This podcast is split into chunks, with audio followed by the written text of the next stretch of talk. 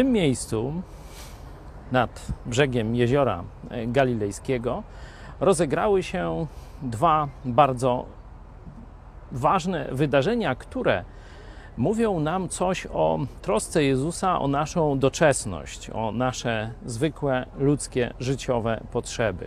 Kiedy Jezus nauczał, oczywiście zaspokajał duchową potrzebę ludzi, którzy byli jak owce bez pasterza, ale po tym nauczaniu zobaczył, że ludzie byli głodni.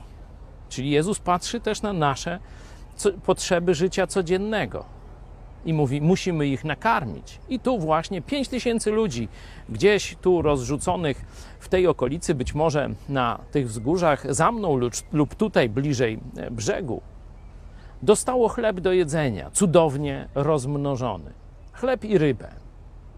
Zobaczcie, nie były to jakieś frykasy, nie były to homary.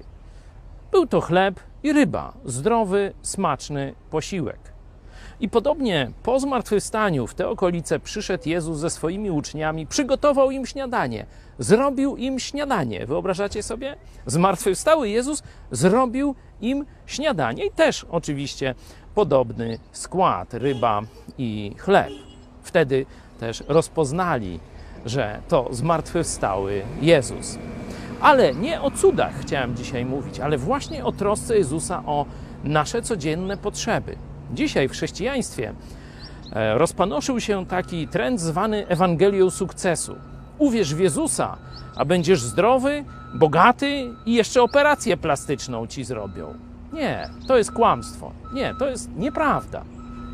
Chrześcijanie często będą cierpieć niedostatek, będą cierpieć różne dolegliwości. Apostoł Paweł nawet cierpiał choroby, choć modlił się, żeby Bóg choroby od niego odjął.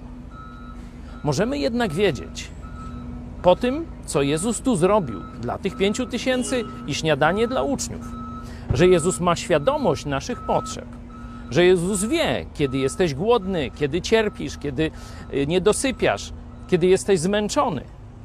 Wie o tym i da rozwiązanie, ale nie szukaj w tym rozwiązaniu przepychu, bo przepych to jest w tym świecie.